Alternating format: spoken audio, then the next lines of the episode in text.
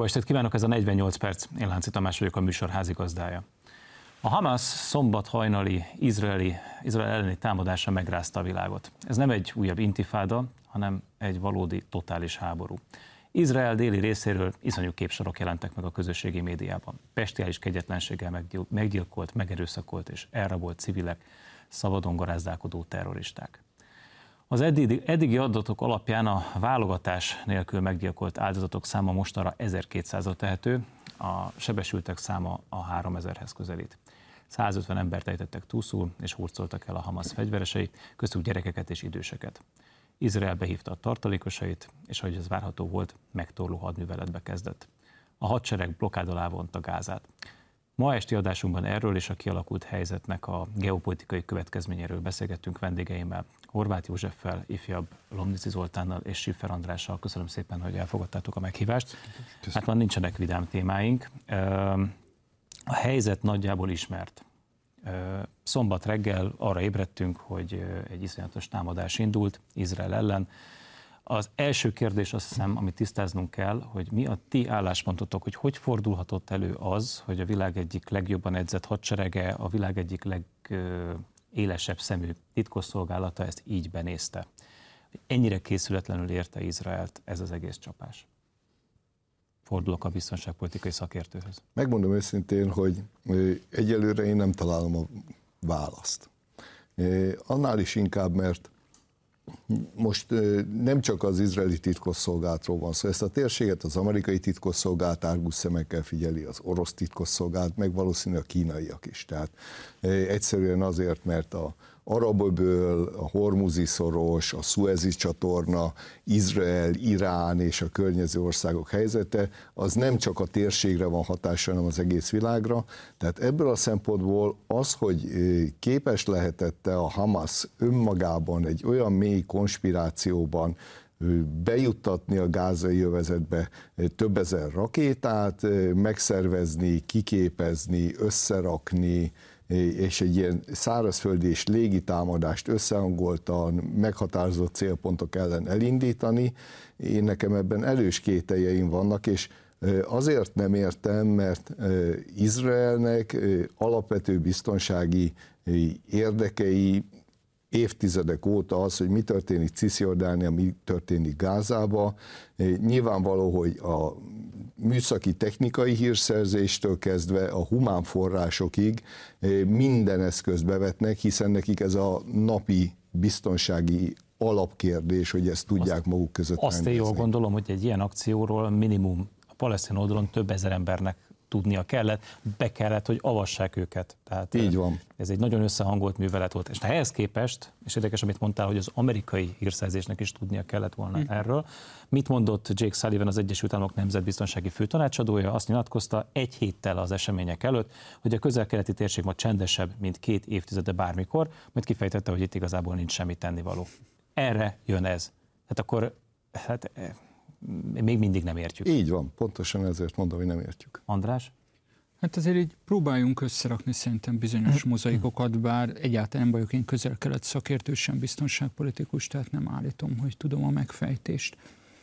De valóban az, hogy az izraeli titkosszolgálat ennyire idézőjelbe benézte a történet sort, az több, mint meglepő. Viszont az is meglepő, hogy 1900, tehát a elmúlt 75 évben olyan, hogy egy demokratikusan meg, és egyértelmű többséggel meg, tiszta választáson megválasztott izraeli kabinettel szemben 47-e folyamatosan hergelik a népet. Tömegtüntetések vannak, és mielőtt itt bárki elkezdi a mantrát, hogy Netanyahu, tehát az Or- magyar Orbánocentrikus világképpel, hogy Netanyahu egy diktátor, mert neki esik a bíróságoknak, annak ajánlanám figyelmében, hogy az izraeli alkotmányos rend melőben különbözik nem a magyartól, hanem általában az Európában megszokottól. Például Nagy-Britanniához hasonlóan nincs írott alkotmánya hogy nincs külön alkotmánybíróság, hanem az amerikaiakhoz hasonlóan a legfelsőbb bíróság látja el az alkotmánybíróság szerepét, és akkor most tovább nem is mennék. Pillanat, tehát, hogy... Csak most fejest ugrottál egy nagyon nehéz kérdésbe. Ugye a tüntetések javarészt azért zajlanak, mert Netanyahu, borzasztóan nehezen, de végül megint kormányra küzdötte magát, át akarja alakítani a bírósági rendszert, mert úgy ítéli meg, hogy a bíróknak túlhatalma van, és voltak éppen, ezt nem én mondom, hanem izraeli belpolitikában járatos elemzők, hogy tulajdonképpen Izraelt nem is annyira a politikai réteg irányítja, hanem, hanem ezeknek igen, a csak bíróknak Tamás, a mély állami szisztémája, és ezen akar változtatni igen, Netanyahu, igen, és de ezért zajlanak a tüntetések, van, csak ha jól én értem. most ezt csak föl akartam libbenteni, hogy uh-huh. van, tehát hogy ne próbáljuk meg magyar szemmel értelmezni a mhm. magyar belpolitikát, mert az egész alkotmányos rendszer, annak a hagyományai tökéletesen másabbak, mint amihez mi hozzá vagyunk szokva. Én csak regisztráltam. Oda akarsz kiukadni, ha jól értem. Hogy, hogy nem csak 47-ig megy egy ilyen mhm. tüntetés sorozat, egy hergelés,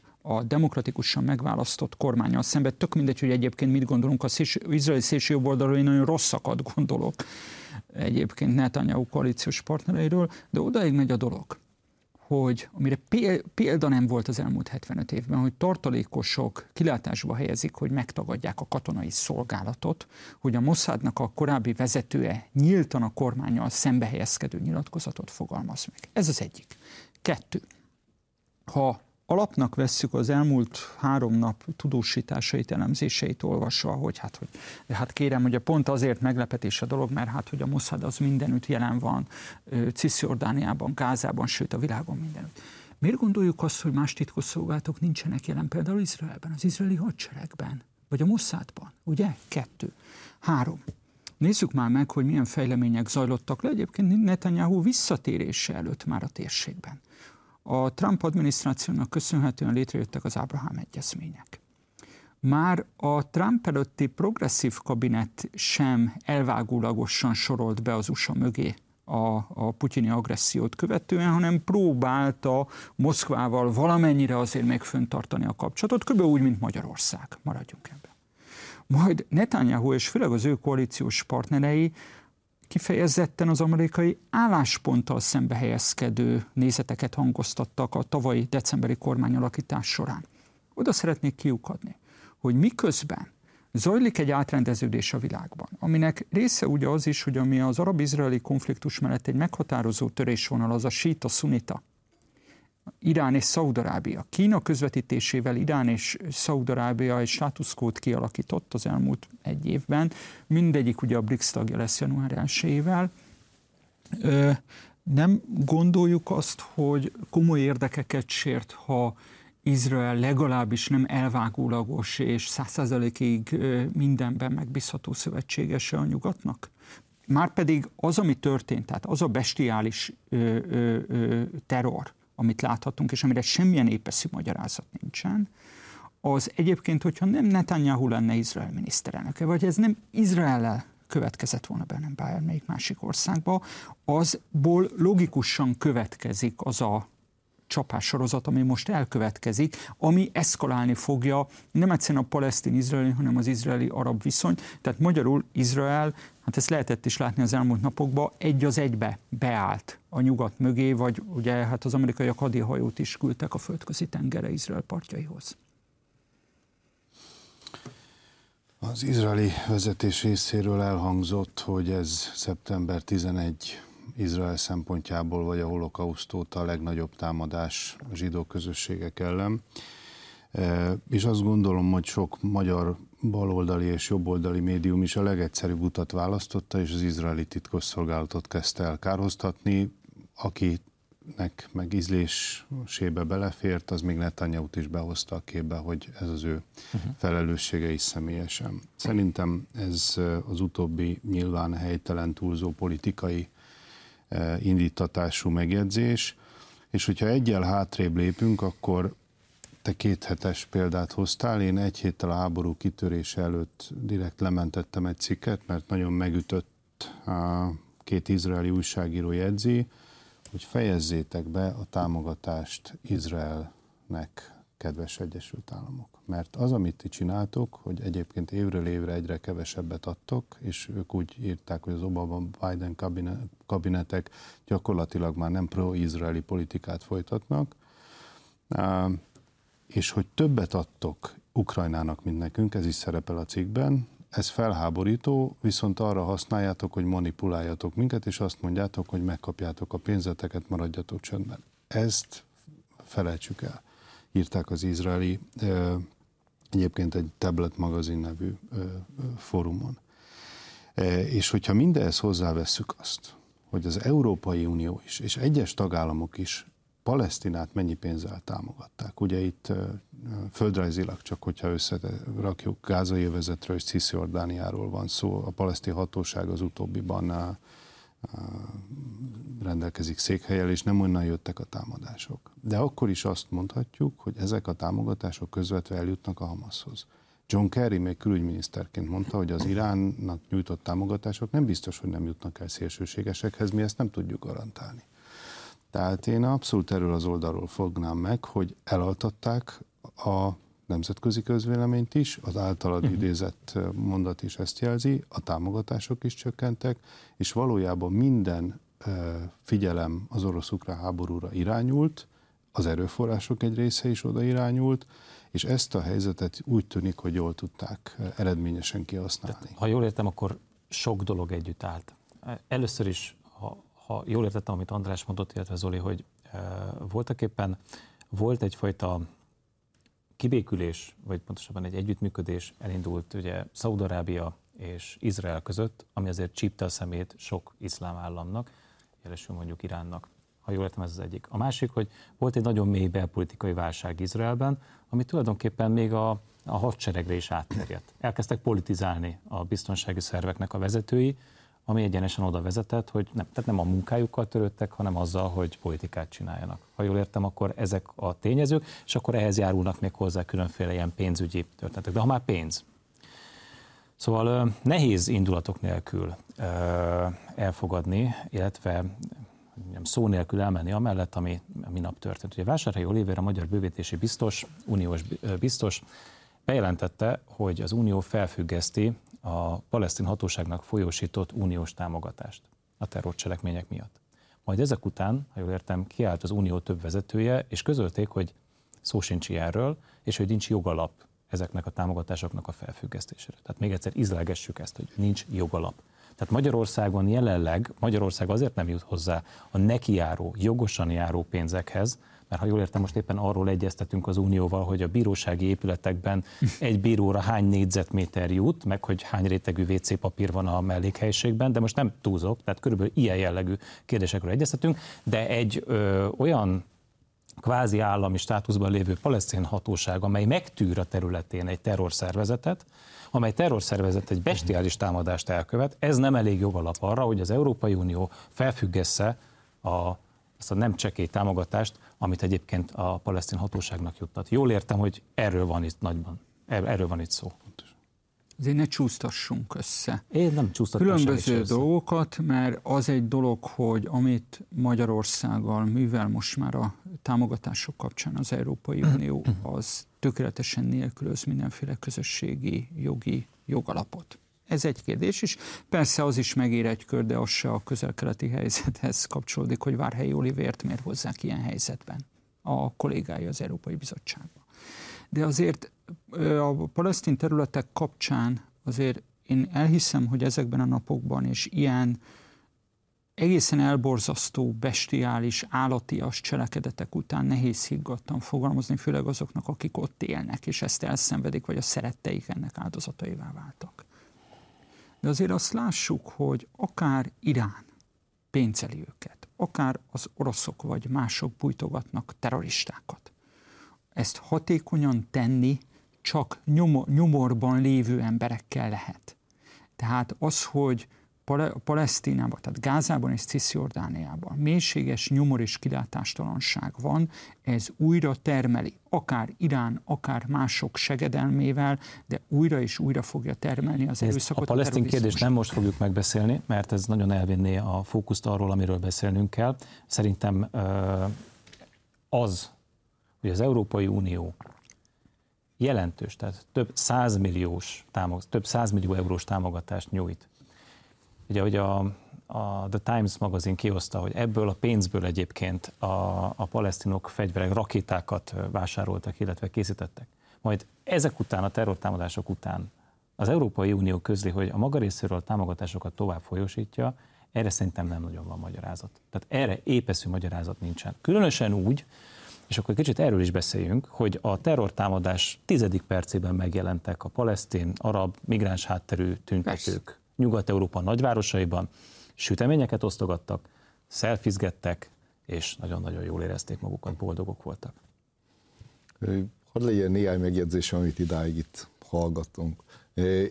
Egy, ne zárjuk ki azt valóban így van, hogy mondjuk az izraeli titkosszolgálatok vezetésében vannak olyanok, akik abban érdekeltek, hogy a Netanyahu kormánya szemben éppenséggel a több százezres tüntetések kapcsán a másik oldalt hozzák helyzetbe. Ugyanakkor Izraelben nem egy titkosszolgálat van. Tehát egy titkosszolgálati közösség van.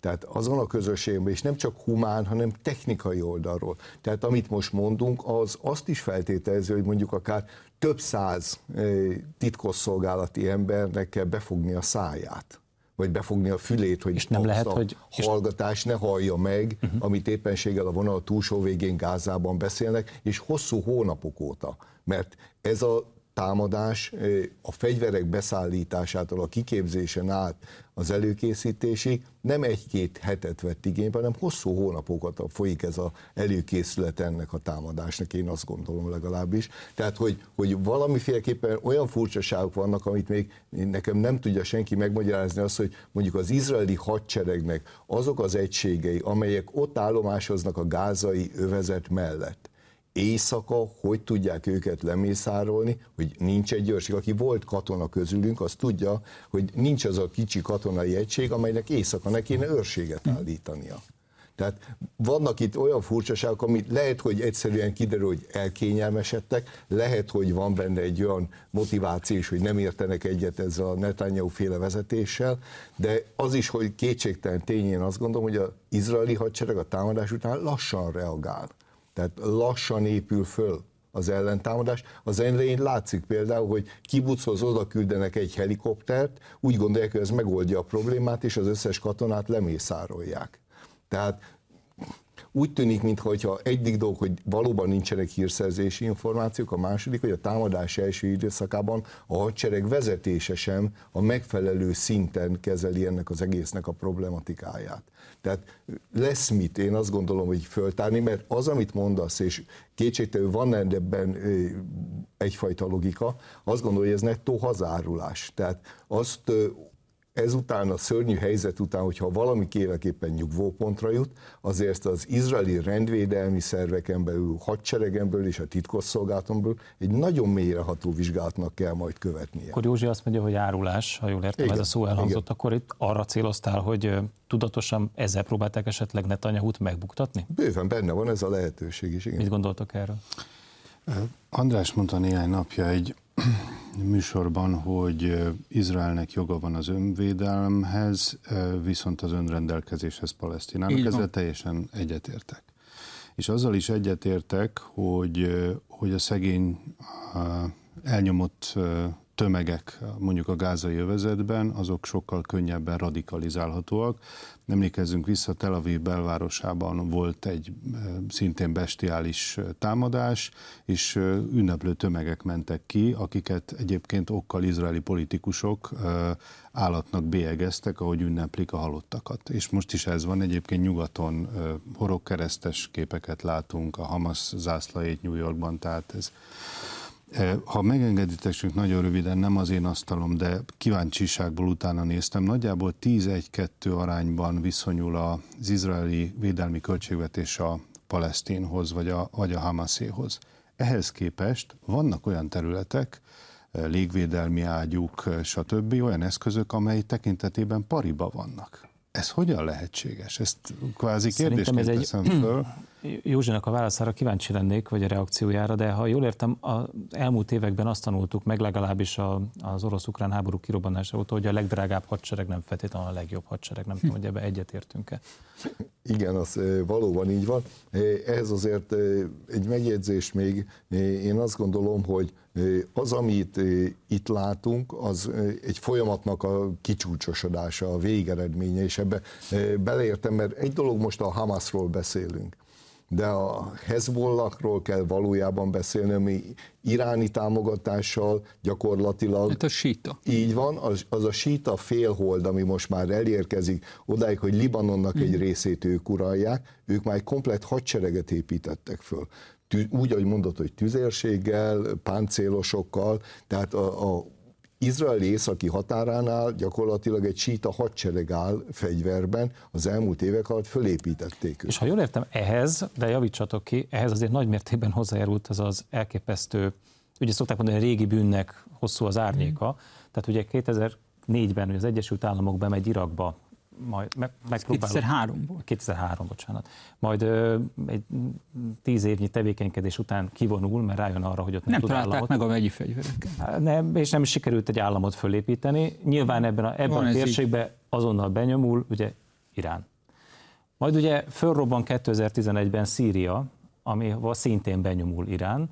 Ezzel gyakorlatilag, ha nem is de jure, de de facto, tehát Irántól az izraeli határig lényegében maga Irán az, aki rendezkedik. Próbálták lényegében, exportálni a demokráciát. Lényegében de facto határossá vált a két ország, jól lehet, több mint 2000 kilométer választja el őket a térképen.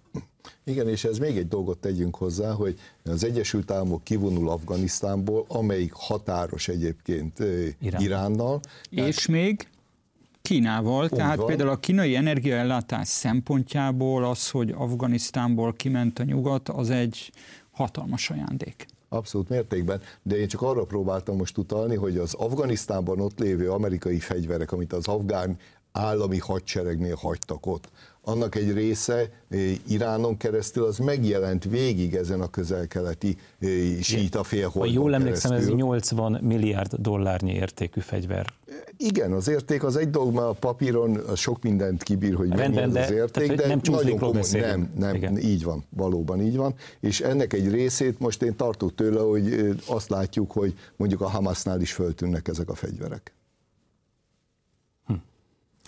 No, térjünk még egy pillanatra oda, nincs sok időnk itt az első félidőből, hogy megjelentek az ünneplő tömegek Nyugat-Európának a nagyvárosaiban, Miközben tudjuk, hogy Izraelben nem csak zsidó-izraeli állampolgárokat mészároltak, hanem nyugat-európaiakat uh-huh. is, akik például egy zenei uh-huh. fesztiválra mentek oda bulizni. Én nem hallom, hogy nyugat-európából bárki felszólalt volna. Egyrészt hogy elhallgattassa az ünneplő tömegeket, amelyek éltetik a terrort, másrészt pedig, hogy felszólaljanak a, az áldozatul esett, esett állampolgáraiknak az érdekében.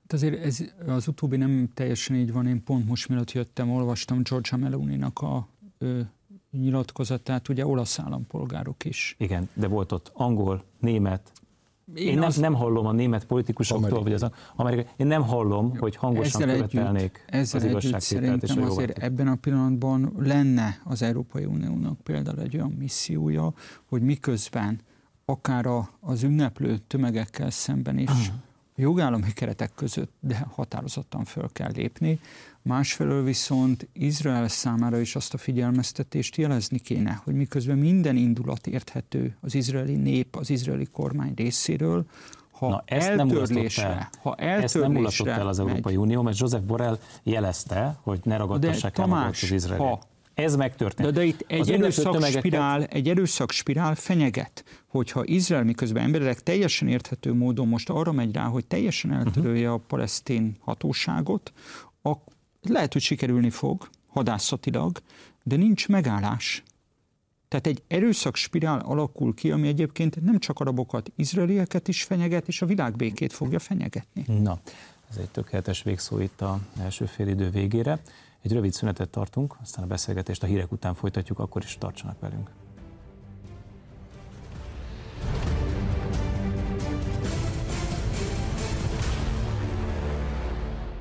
Folytatjuk a közélet legfontosabb témával itt a 48 percben Horváth Józseffel, ifjabb Lomnici Zoltánnal és Siffer Andrással. András, itt az első félidő végén egy vészjósló kijelentést tettél, hogy amennyiben az izraeliek nagyon hevesen reagálnak erre az egész szituációra, az a helyzetnek a további eszkalálódásához fog vezetni, amiből pedig akár egy világméretű konfliktus is kibontakozhat. Amit mondtál, az teljesen egybecseng az az EU külügyi biztosának Joseph Borrellnek a kijelentésével, ki azt mondja, hogy azért sem szabad fölfüggeszteni az Európai Uniónak a támogatását a palesztinok irányába, mert ez a palesztin nép megbüntetése lenne, és sérteni az EU érdekeit a régióban, és csak még jobban felbátorítaná a terroristákat. Én arra gondoltam, amikor ezt a mondatot elolvastam, illetve amikor láttam az ünneplő palesztin, arab tömegeket Nyugat-Európa utcáin, hogy nem arról van szó, hogy voltak éppen mostanra a migrációs helyzet olyanná vált Nyugat-Európában, hogy egy nyugat-európai politikus nem nagyon mer felszólalni a palesztin terrorszervezetek akció ellen, nem nagyon mer semmit sem tenni a palesztin érdekek ellen, mert ezzel két dolgot veszélyeztet, részint szavazatokat veszít, részint pedig fennáll a lehetősége, hogy feldühödött palesztinok, migrációs hátterű emberek egész egyszerűen lángba borítják Nyugat-Európai utcait, ahogy egyébként ezt láttuk nyáron, nyár elején Párizsban, hogyha még emlékeztek azokra a képsorokra, amikor két hétig gyakorlatilag Párizs az egy, és nem csak Párizs, hanem sok más francia nagyváros is gyakorlatilag egy háborús zónává változott.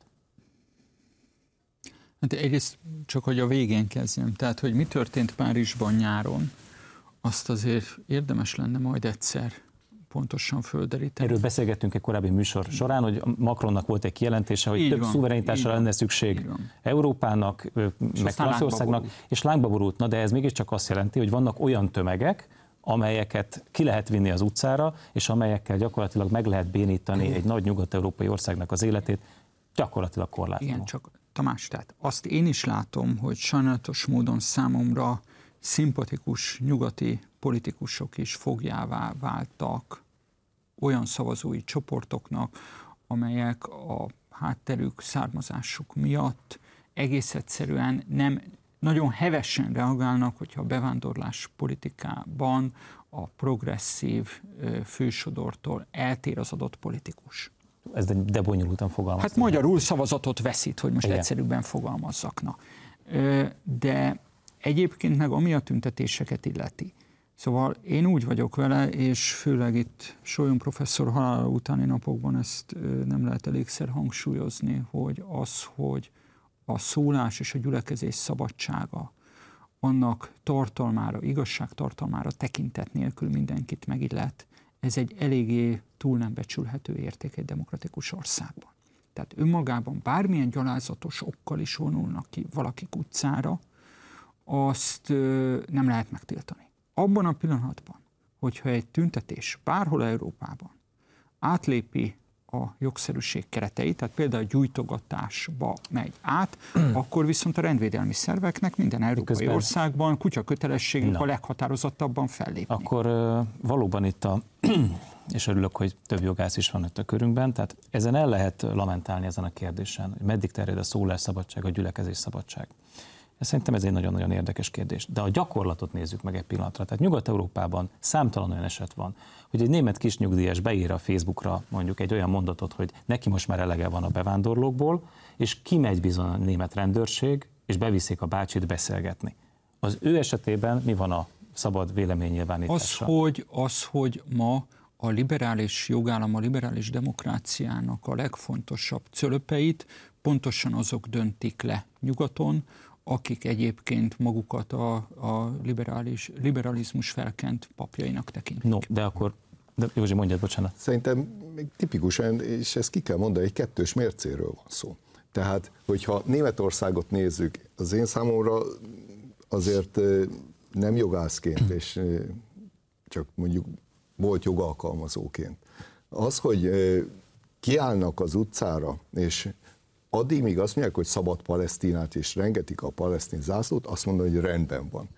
A német rendőrség merevarccal nézi azt, amikor elkezdődik az, hogy mocskos zsidók, halál Izraelre, tehát azok az antiszemita rigmusok, amit elkezdenek skandálni, én úgy gondolom, az már nem a véleményei állítás szabadságára Hát amennyiben, tartozik. már pedig ez itt fölmerül, bocsánat, amennyiben ez az erőszak nyilvánvaló és közvetlen veszélyét felidézi, itt ez tűri a kritikát, tehát lehet, hogy felidézte ezekben az esetekben, akkor valóban az, a rendőrségnek mérlegelést nem tűrő beavatkozási kötelezettsége van. De bármilyen sajnálatos, attól, mert hogy valaki erős ellenszenvét ö, fejezi ki bármilyen társadalmi csoporttal szemben, ez önmagában Értem, nem András, de a helyzet, a helyzet, tehát nézzük akkor szituációban a dolgot, bocsánat. Tehát mégiscsak az történt, hogy megöltek 1200 embert, a Hamas fegyveresei, közül, közülük 1200 áldozat közül voltak, akivel bestiális módon végeztek, gyerekeket fejeztek le,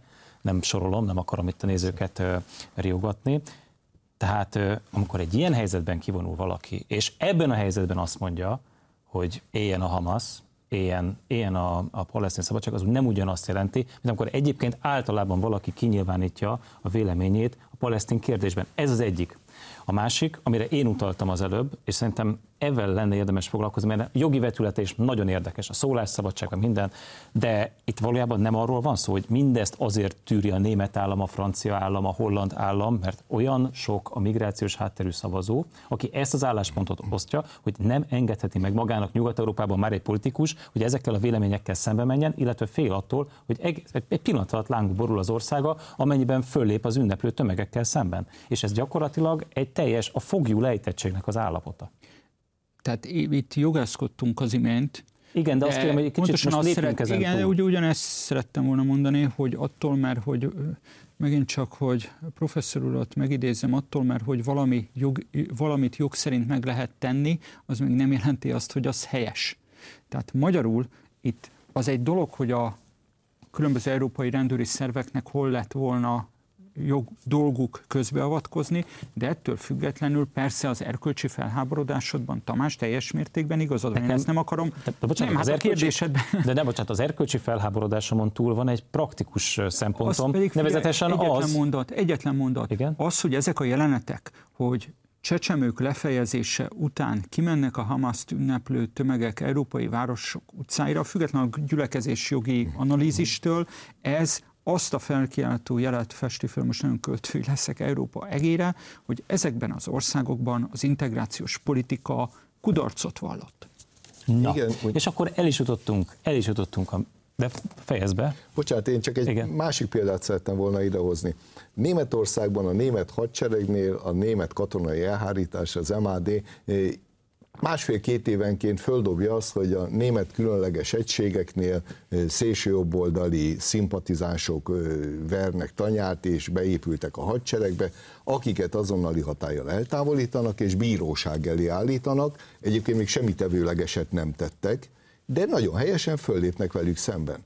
De itt most, amikor ezeket látjuk, azért bennem az a kérdés is fölmerül a tüntetések kapcsán, hogy mivel nem azonosítják be a tüntetésen lévőket, nem is igazoltatják őket, és hogyha egy hét múlva vagy két hét múlva ezek közül az emberek közül mondjuk valaki terrorakciót hajt végre, vagy eddig is mondjuk a munkanélküli segélyéből, a szociális segélyéből pénzt utalt mondjuk a Hamasnak, és szponzorálta ezeket az őrületet, amit látunk Izraelben, mert nem egyedülálló ez, az iszlám államot is szponzorálták jó néhány európai országból ezek a radikális iszlám szélsőségesek. Tehát biztonsági szempontból gondolom azt, hogy ez egy nagyon súlyos mulasztás, mert ezek az emberek most úgy mentek haza, hogy tulajdonképpen mi ezt megtehettük az állam gyenge velünk szemben, és holnap tovább is léphetünk, akár még egy lépéssel. Tehát és nagyon hat, rossz üzenet. És hát, hát ott van a Hamas vezetőjének, egyik vezetőjének az üzenete,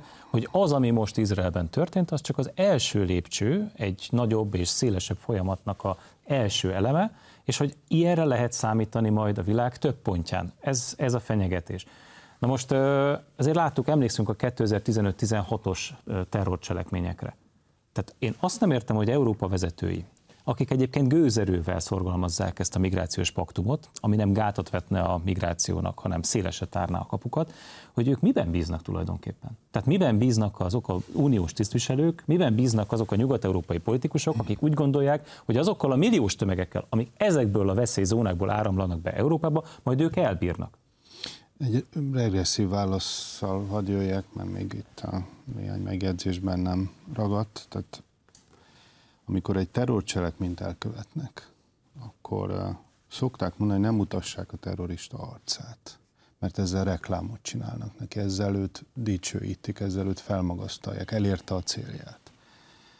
Szerintem ezek a tüntetések attól függetlenül, hogy ez egy teljesen legitim jogfelfogás, amit uh, amit András mondott, ezek buzdítják a terroristákat. Tehát amikor a sajtó felelősségét firtatjuk a tüntetések, közvetítése kapcsán, akkor ezt a kérdést is felvethetjük, mint ahogy azt is, hogy valóban van egy másik oldala ennek a történetnek, nevezetesen amikor azt mondjuk, hogy a véleménynyilvánítási szólásszabadságnak az emberi méltóság valamikor gátat szab. És akkor a, az alapjogok kollíziójának, ahogy tanítják, következtében... Jogász urak, tehát ez az egész probléma azért állt elő, mert beengedett Európa egy olyan népességet, Igen. amelyik, amelyik az erőszakot dicsőíti, amelyik ott áll. Fejezbe, csak számomra ezek, hogy is mondjam, Számotokra nem, ti jogászok vagytok, de számomra ezek részletkérdések, mert az alapvető probléma az, hogy miért kell olyan népességet beengedni, amelyik nem integrálódik, sőt, egy ilyen bestiális cselekmény után kimegy az utcára, süteményt osztogat és örvendezik.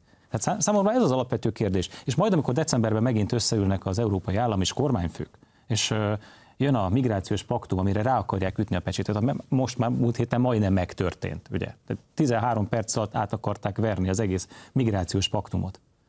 Majd jön a következő kör és erőltetik, és erőltetik, hogy ők mibe bíznak, hogy nekik erősebb titkosszolgálatuk van, mint Izraelnek, vagy erősebb a hadseregük, vagy ravaszabbak, vagy mibe bíznak, hogy ez itt Európában nem fog megtörténni, csak azért, mert nálunk nincs egy olyan terület, amit úgy hívnak, hogy gázai övezet. Hát a gázai övezetek vannak mindenhol most már Európában, nógózónáknak hívják. Tényleg a, tényleg a, de fejezd be a jogászért Nagyon nagy tisztelettel hallgatom, de azért majd válaszolj ne, az ne, ne, ne, ne, is. Nem, és arra fogok válaszolni, ugye hmm. a tüntetéseknél amint elvesztik a békés jellegüket, onnantól nem élvezik a gyülekezési jog, vagy az alkotmányos védelmét annak, ami előtte. De a lényeg, amit valóban itt, hogy ne e, vigyük el szélsőséges e, e, jogászkodás irányába, azért azt e, látni kell, hogy ott van egy squadnak nevezett csoportosulás az alsóházban az Egyesült Államokban, amely szélsőséges, izraellenes demokrata képviselőnőkből áll.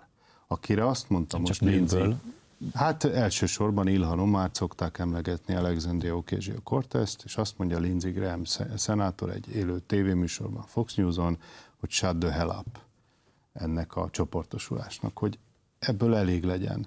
Vagy ott van Claudia Roth, akinek eh, neki ment ő Daniel Freund pártársa, zöld eh, német szövetségi miniszter is egyébként, akinek több németországi izraeli szervezet neki ment. Tehát azt senki ne gondolja, hogy itt alapvetően arról van szó, hogy pusztán azért, mert Francia Hollandra a migránsok 95%-a szavazott, a bevándorló hátterű személyek Franciaországban, és nekik kell a szavazat.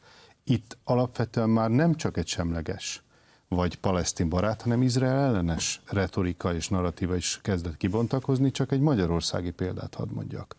Aki az izraeli nagykövetség ellen tüntető, a zsidók megsemmisítésére buzdító vezetőkből álló jobbikot.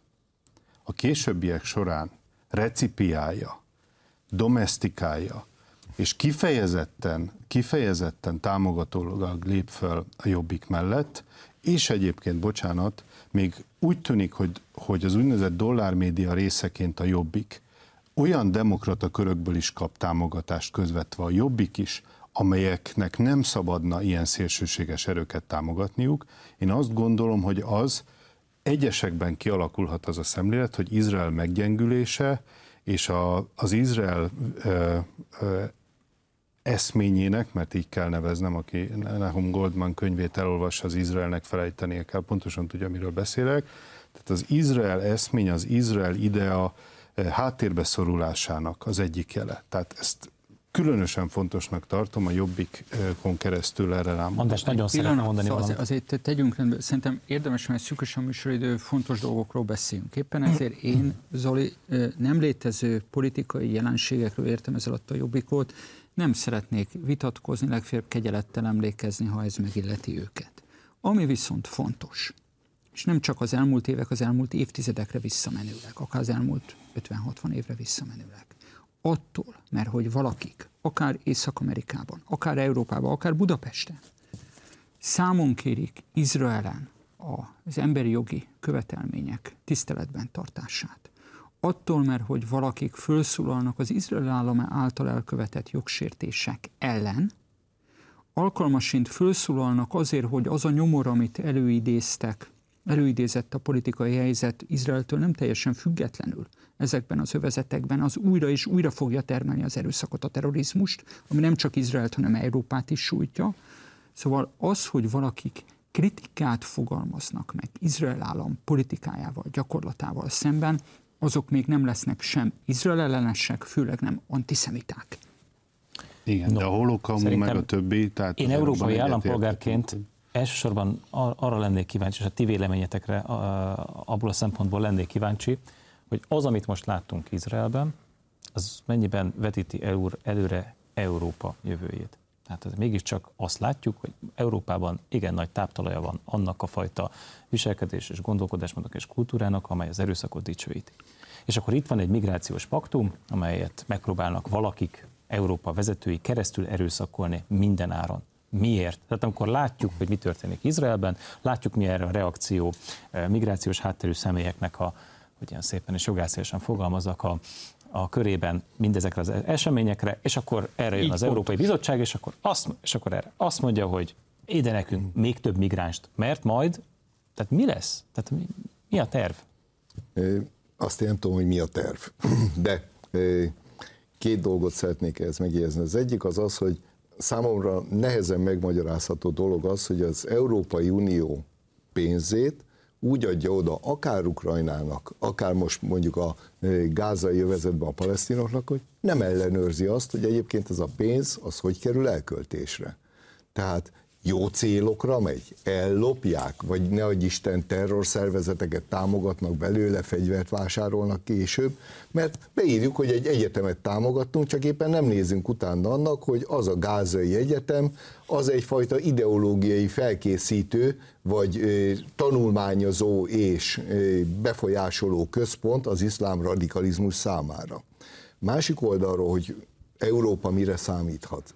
Már néhány évvel ezelőtt a németeknél ugye kirobbant egy botrány, amikor kiderül az, hogy a e, rendőröknél a rendőr akadémiára bekerülnek olyan szervezett bűnözés által és iszlám radikálisok által bejuttatottak, amire a tanárok azt mondják, hogy hát bocsánat, a saját ellenségeinket képezzük ki, és engedtük be a rendszerbe a franciáknál, a francia hadseregben, a francia tisztikar felső részéből aláírás gyűjtenek, hogy bocsánat, tehát itt már olyan iszlám radikálisok vannak a francia hadseregben, hogy a francia tisztek egy-egy jövetésen attól félnek, hogy a saját tisztje, tisztjeiket a beosztott állományból fogják hátba lőni. Tehát igenis a belső kohéziót kezdi ez föllazítani, és nem csak a rendvédelmi szerveken belül, nem csak azzal, hogy most már eh, beszéltünk nógózónákról, ezelőtt nyolc évvel még, ha kimondtuk itt Európának ebbe a szegletébe, hogy bocsánat, ott azért nógózónák kezdenek kialakulni, akkor még mindenki kikérte magának, hogy ez nem igaz. Sőt, hát a Tehát... svéd, egy, egy neves ellenzéki magyar ö, folyóirat, internetes folyóirat még meg is kérdezte a svéd nagykövetséget, hogy van-e náluk nógozóna, és a svéd nagykövetség jelentette, hogy a kérdésre értik náluk nincs És ilyen. még egy dolgot tegyünk ide, hogy az a folyamat, ami Európában, például Franciaországban, itt nem csak az, hogy most a nyáron volt egy polgárháború közeli helyzet, az elmúlt évek során a legnagyobb európai zsidó közösségnek a több mint 50%-a aliázott Izraelbe, mert már nem érezte magát biztonságban. Még nem történtek meg ezek a nyári események, ja, amik történtek. Vederbe, de Fontosan. mi lesz a migrációs paktummal szerinted ezek után? Tehát mindezek fényében most tényleg rezenéstelen arccal oda lehet állni majd, az uniós vezetőknek a nyilvánosság elé, és azt, le, azt fogják mondani, hogy itt minden a lehető legnagyobb rendben, teljes mértékben a helyzet urai vagyunk, előre hajrá migráció. Ez lesz, át fogják, át fogják venni, és mi lesz szerinted a, szerintetek, mi, hogyan fog erre reagálni Magyarország, illetve Lengyelország, amelyik ugye tudva levőleg a legélesebben ellenzi ezt a migrációs paktumot? Valóban célszerű óvatosabban uh-huh. fogalmazni a kiragadott példáknál, ezzel teljesen egyetértek de mégiscsak a migrációs paktum napján óvodás korúakat gyilkol meg egy bevándorló hátterű személy. Ez bekerül a sajtóba. Ebből messze menő nem következtetést szerintem oktalanság levonni, de a szimbolikája mindenképpen megvan a dolognak.